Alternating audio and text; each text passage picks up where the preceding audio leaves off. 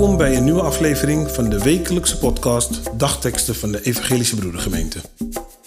Een leerzame en inspirerende boodschap voor deze dag en de rest van de week.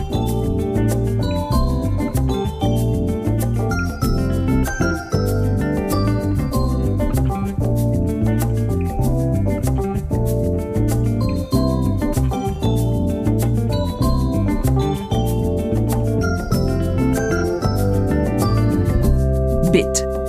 Vandaag is woensdag 11 januari. De dagteksten van vandaag komen uit Psalm 6, vers 10 en Matthäus 6, vers 6. De Heere heeft mijn smeken gehoord.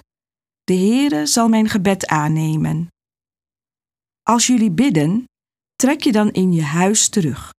Sluit de deur en bid tot je vader, die in het verborgene is. En jullie vader, die in het verborgene ziet, zal je ervoor belonen. Beide teksten gaan vandaag over bidden. In de psalm vandaag zit een bevestiging, een geruststelling. En in de tekst uit Matthäus zit een gebod of advies. Maar het komt er in beide gevallen op neer: bid. Er zijn verschillende manieren om te bidden. Dat kan met verschillende woorden zijn. Je hebt een schietgebedje, kort of lange gebeden bij sterven en ziekte. Je hebt gebeden van vreugde en gebeden van verdriet. Je hebt vragende gebeden en gebeden waarin je iets wil bevestigen in de relatie met God. Je kunt heel stil bidden en heel luid bidden. Naast verschillende woorden kun je ook fysiek op verschillende manieren bidden. Je kunt staan, liggen, zitten of knielen. Hierover wil ik twee ervaringen met jullie delen. Een aantal jaar geleden was ik op vakantie naar Dubai met mijn gezin. In Dubai bezochten wij een moskee. Dat was een geweldige en zeer interessante ervaring. Onze gids legde alle rituelen in de moskee uit en vertelde ook meer over het knielend bidden. Sinds die vakantie bid ik thuis altijd knielend. De tweede ervaring betreft het bidden zelf. Toen ik mijn eerste baan kreeg, was ik zo dankbaar daarvoor dat ik God beloofde om elke dag als ik naar kantoor reed in de auto te bidden, te praten met God. Dat heb ik jaren volgehouden en heeft mij ook elke dag op dat kantoor een geweldig gevoel gegeven.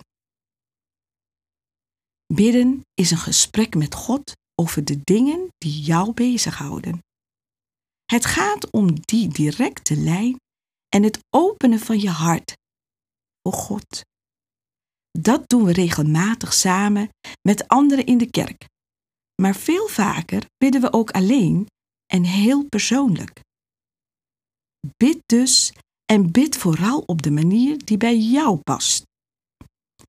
Ik wil je uitdagen om soms ook iets anders uit te proberen om zo jouw manier van bidden te vernieuwen, om hier nieuwe inspiratie uit te halen. Bidden kun je namelijk overal en op verschillende manieren. Probeer het eens. Vader, geef ons de inspiratie en de kracht om elke keer weer te bidden en het gesprek met U aan te gaan.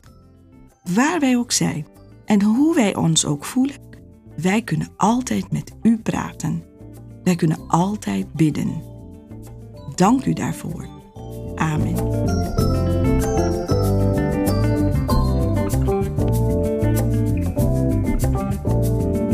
Wij hopen dat deze woorden uw kracht en inspiratie geven.